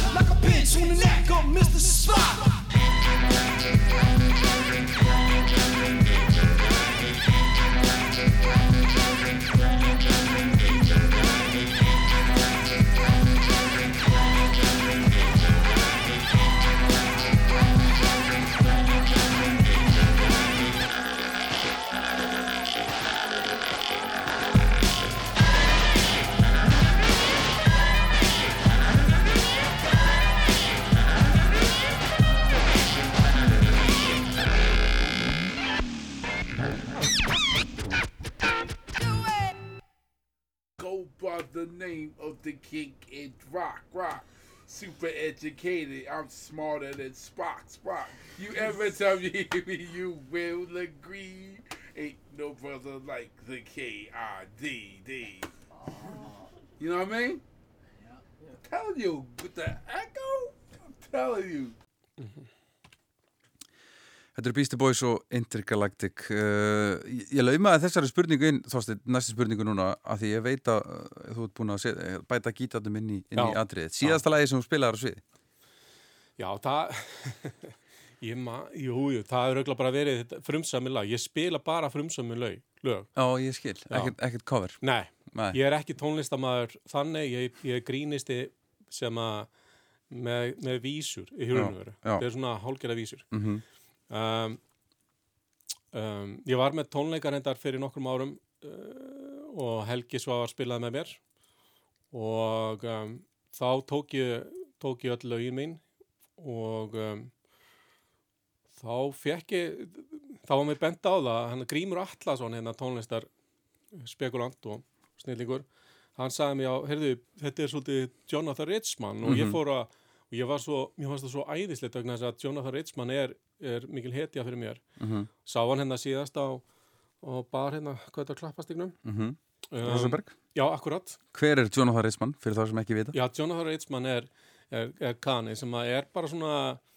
um, hann uh, tengdist, þú, þú þekkir þetta betur tengdist hérna Velvet Underground hérna Mhm. og hann var í þessari New York senu í gamla daga hann var um, Er þetta ekki gæinn sem er í Something About Mary? jú, jú, akkurat hann er þar þetta er mjög spes nági hann uh, hann uh, Hann er grínist með kassagítar já, hann er já, raun og verið, hann er meiri tónlistamæður heldur Mhm. en grínisti, já, meðan ég grínisti en meiri Já, grínisti já. en tónlistamæður algjörlega, en hann hann, um, hann er ekki með síma og ekki tölvu Mhm. og, og hann bara ef þú nærði í hann þá getur þú kannski fengið hann til að koma og vera með tónleika. Já. Og hann er rosalega vinsæll og þetta er svona legend þessi nági mm uh, en hann er, hann er svolítið sérstakur og uh, hann er góð gítarleikari hann uh, spilar, spilar tónlistarnas er frumstæð. -hmm. en, uh, en ég veit alveg hann þekki aðeins hann að sögu hann, hann læriði líka á spænska gítar og, og hann, eh, hann er hann gæti verið með með eitthvað meiri tónlistastæli en hann er en hann heldur hlutunum mjög einföldum og og er svona það er svona mjög skemmtileg skemmtileg svona heimsbyggja bak við hans tónlist Já, og þú valdi lag með honum bara að því að við hefum ekki neitt af, af þinni músík Já. I was dancing in the lesbian bar Aha. Well, I was dancing at a nightclub one Friday night. And that nightclub bar was a little uptight. Yeah, I was dancing all alone, a little self conscious. When some kids came up and said, For dancing, come with us. And soon I was dancing in the lesbian bar. Oh, oh. I was dancing in the lesbian bar. Ooh, ooh,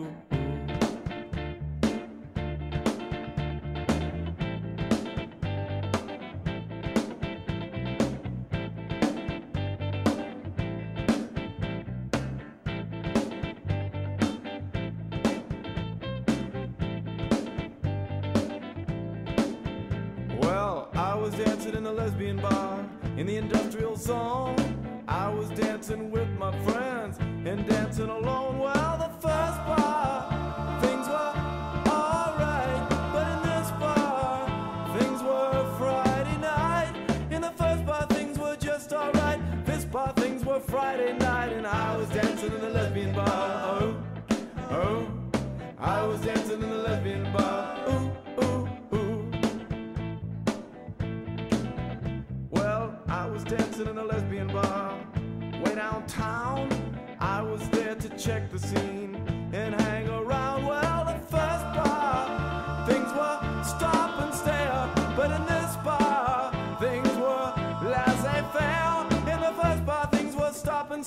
In this bar, things were laissez faire, and I was dancing in the lesbian bar. Oh, oh, I was dancing in the lesbian bar. Ooh, ooh, ooh.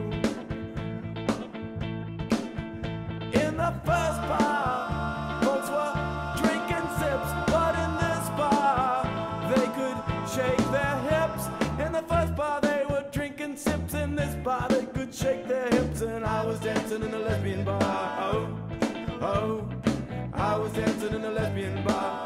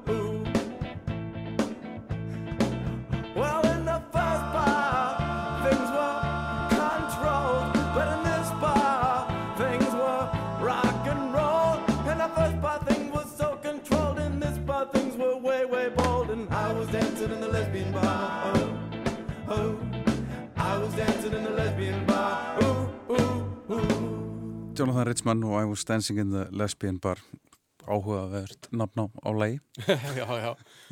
Hans, hann, hans lög fjalla svolítið um daglegt líf og, Já.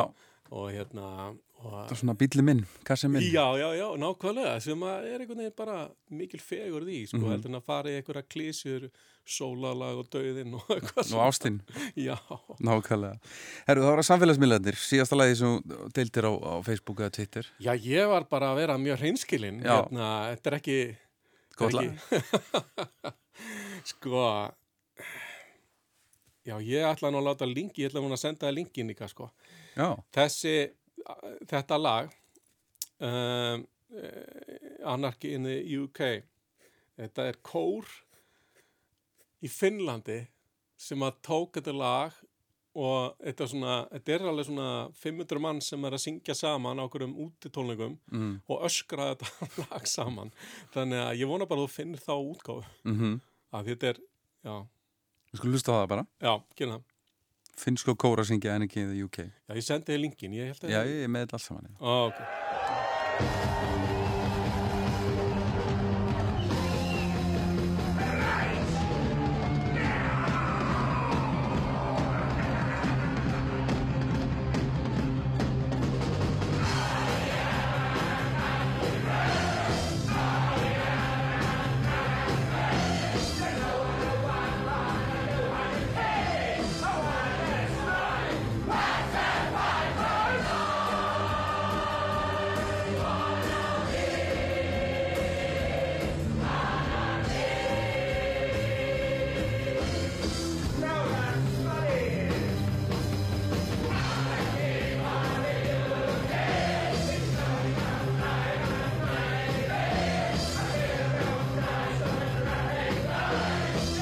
Þetta var áhugavert Það var Já. þessandi Já, þetta er hressandi en ákvæðert að hlusta núna um þessar mundir Sko ég, eins og ég segi, ég, ég er svona pínlítið bara gæði sem hlustar á það sem er í útvarpinu.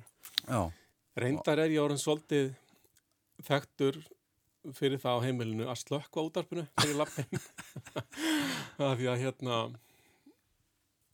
ég, ég, mér finnst bara svo dásalum stundum að hlusta ekki á neitt. Já þögnin er góð sko. Fagnin er góð, en uh, svo fór ég, svo í sumar, þá ákvað ég að vera að taka, taka með þess á í, í, í rektinni mm og ég með svona lóð út í skúr og hlaupabretti og eitthvað svona og ég er ofsalega gaman að því. Já, ég, ég, ef, ég, ef ég kem mér í form þá er það þannig að veist, þá þarf ég að lifta og svona. Þá þarf maður eitthvað tónlist. Og ég leita tónlist í útarpinu litla viðtækin út í skúr Mhm. sem að væri ekki með tali. Já, og ég hef ekkert að mótið því að hlusta á fólk tala í útarpinu en ekki þegar ég er að lifta ég bara, það, ég, tru- það trubla mig. Ég vil bara hafa tónlist og held, held bara eitthvað takt. Fann þessi útastöð FM Extreme eða eitthvað slis sem spilar lög sem það eru FM lög nema bara of. Og aggressív. Já, en pínu aggressív. Já. og margt gott þar. Og það var eitt lag þarna sem að ég veist bara, hvað er þetta? Er þessi strákur að grínast eða er, svo var þetta svo einhvern veginn flott og þetta lag heitir hérna, með mér og Aron Kahn Mhm. syngur þetta og ég hérna og ég, ég segi bara bara skilabóti minnar kynsluðar mm. að leita uppi það sem er að gerast í þessari senu þessi gæði til dæmis mér, það er eitthvað spes flott við hann Mm og þetta lag það er hérna já, þetta, þetta kallast pínlítið á við svona einfaldlegan í Jonathan Richman í bara sköngan hans í, í, í hérna Jasú þetta er ákveðið þema þó þetta sé allt önnur tónlistastefn mm og, og ég er ekki orðið það gamall minnst eitthvað að ég get ekki tekið inn eitthvað nýtt þannig að Aron Kahn er bara málið í, rektinni Flott strákur, flott músík. Með mér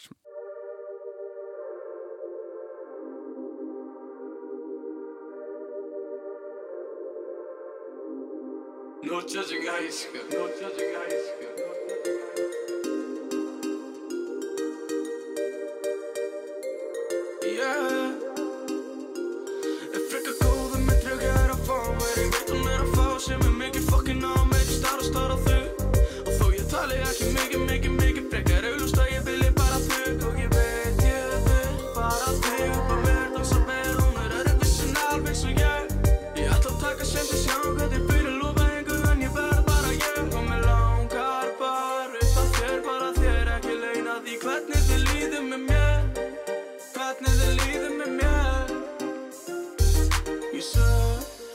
Og hana þau vel Ég þau vel í gær.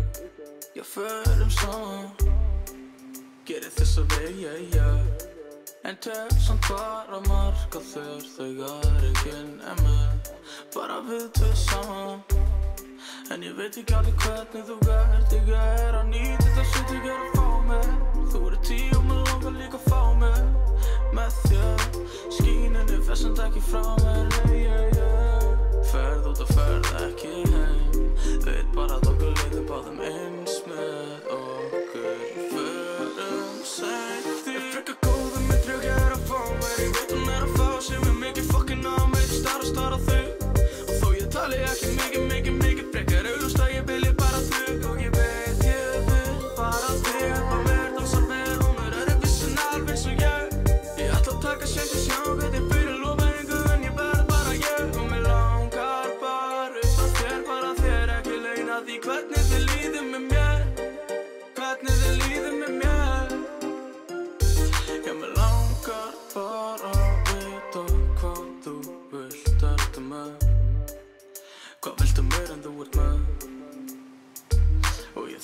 að fá mér núna í kvöld Ertu með, ertu með? Ertu með, ertu með mig? Já, ég veit ekki hvort mér langi meiri Upp á þér núna kannari Signin ég tek þetta skrifinu Lengra allir drikk og polísi Leita með augun á annari Sér, ég sjálf best að gefa því En ég tek þessu vel að metri Alltaf láta fokkin hún er þess Er frekar góður með drauga er að fá mér. Ég veit hún er að fá sem er mikið fokkin á mér. Stara, stara þau Og þó ég tali ekki mikið, mikið, mikið frekar. Auglust að ég vilji bara þau Og ég veit ég vil bara þig. Upp að mér Dansa vel, hún er öðruvísi en alveg svo ég. Ég ætla að taka sem til sjá hvernig fyrir lofa einhver En ég verð bara ég. Og mér langar bara upp að þér Bara þér. Ekki leina því hvernig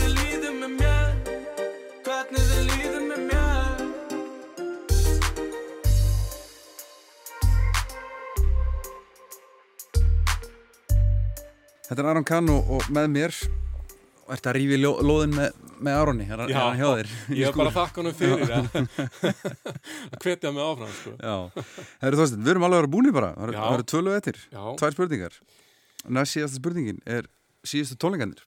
Já, ég fenn nú ekki ofta tónleika en, en hérna við fórum saman hjónin á James Taylor Mm í hörpunni fyrir ári síðan eða eitthvað slús Já, og um, James Taylor uh, var í plötubunkanum þegar ég var krakki já, ógeðslega svona sætur ungur maður með dögt hár Mhm. og svona uh, sönga skáld. já, og mikill gítarmestari sko Mm.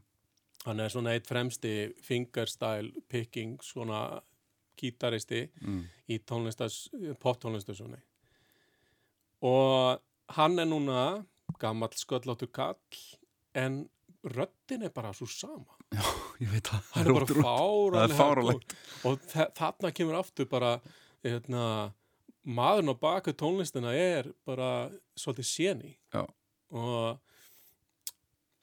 þú veist, þetta er ekkit, ekkit endilega tónlistin ég hlusta á hverjum degi Nei, en, en Va- uh, va- va- er konaðin aðdóandi, var það? já, já, já, já já, við bæði sko þannig Já, en hérna en uh, eins og ég segi menna, já, þetta er, þetta er, veginn- þetta er bara klassik, pop klassik mhm. þannig að og var hann ekki góður? hann var frábær, jú, var mjög fýtt sko og hafði einhver, einhvern veginn tapað þó þannig að uh, hann, hann er líka textatinn hans eru, eru eru svona, eru svo, eins og ég kann að meta og svona Mm. Ofbáslega einfaldir, bara daglegt líf og, Mhm. og hann forðast svolítið klísjuna sko. mm ja, það er samt svona, það er undirtótt í músíkina sko, líka Já, já, já, já, já, sem er, sem er snild. How Sweet It Is, Valdur, James Taylor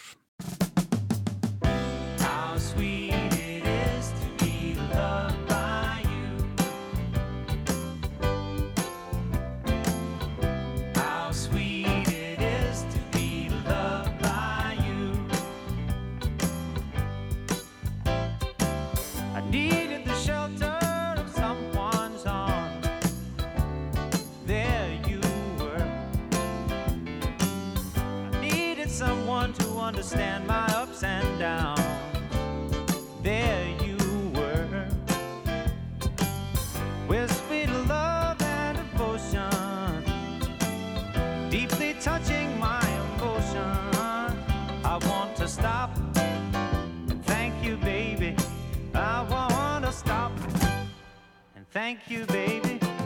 Yes, I do. How sweet it is to be loved by you. Feel so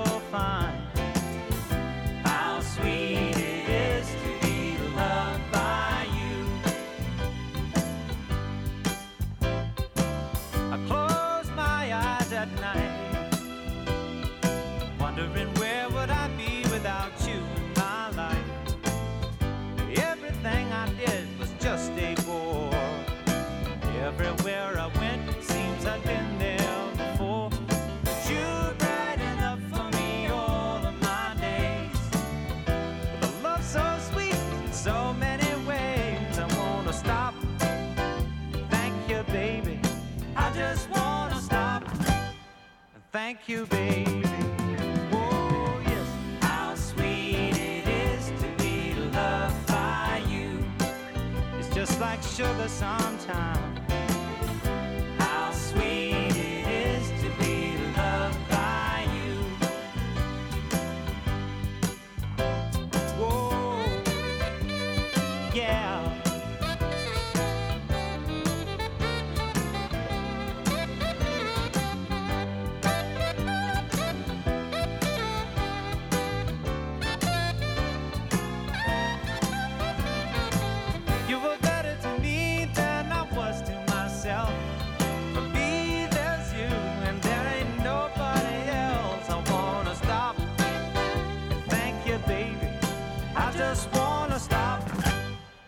Thank you, baby.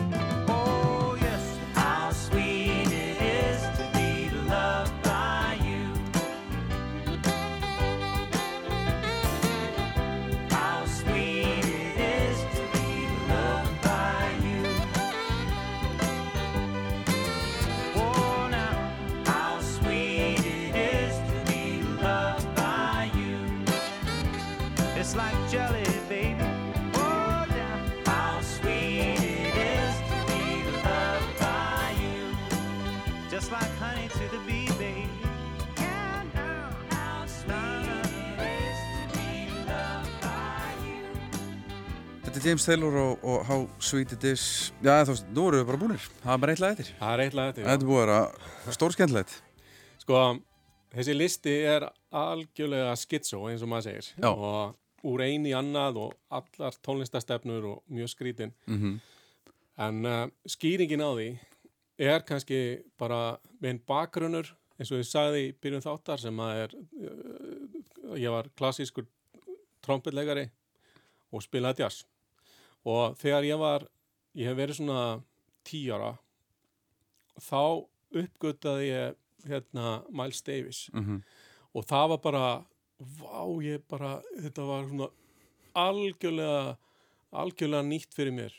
Og Miles Davis um, hérna, hann hefur breytt meira sko, hann hefur breytt örgulega jafn mikið í poppi eins og gera í jazzi. Já, já, já, án Og- efa sko. Já, og hann er og hann skildi eftir sig alveg óbáslega stór spór í tónlistasögunni Mhm. og hafði mikil áhrif á mig.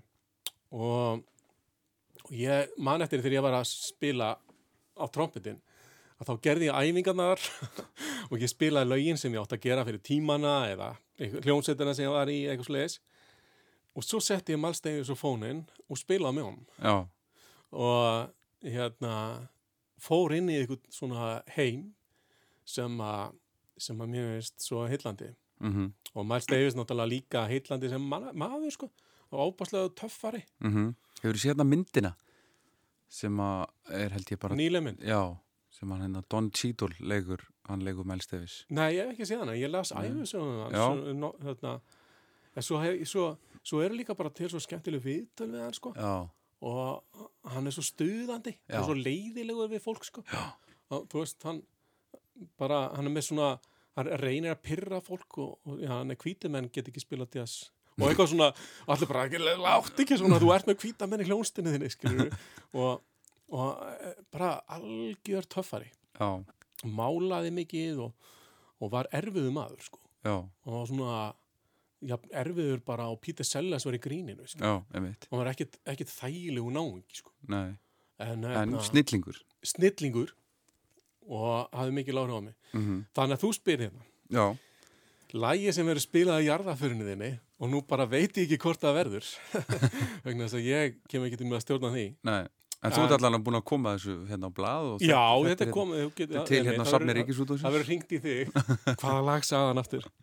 Og ég sé, ég fór reyndar svona að hugsa um jarðaföruna mína og þegar þú sendir mér þetta og, og ég er ekki þjóðkirkjunni ég er utan trúfélaga Já, og, og þú veist, ég hef ekki þetta mótið kirkjunni eða neitt svona, en sá fyrir mér að bara skipulegja þetta fyrirfram fara að fá svona stóran sal þá þetta allir að sita svona í hring og ekkit endilega mikið hérna að geta því að þú veist, fólk getur getið heima þessu en bara svona svona að brennivinni og svona og kaffi og góð músík. Góð músík. Og svo bara kemur fólk og performerar og ég kannski í ykkur duftkeri alveg góðum fílingi og, og hérna og að því að ég á svo mikla, mikið af vinum sem eru tónlistamenn og svo eru vinum mínir grínistanir að þeir fá að segja eitthvað mhm, tala í fimm mínútur og þá bara ok, tíminn búinn og eitthvað svona.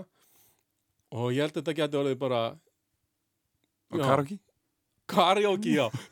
Að sjálfsögðu verum við með karaoke eftir sko. Já, Þannig að eina sem ég hugsaði með þess að gera þau bara, ó, ég missi á henni. og verður með í anda. Já, Takk kærlega fyrir að vera gestur minn Þorsteinn, við skulum endið á, á Miles Davis. So What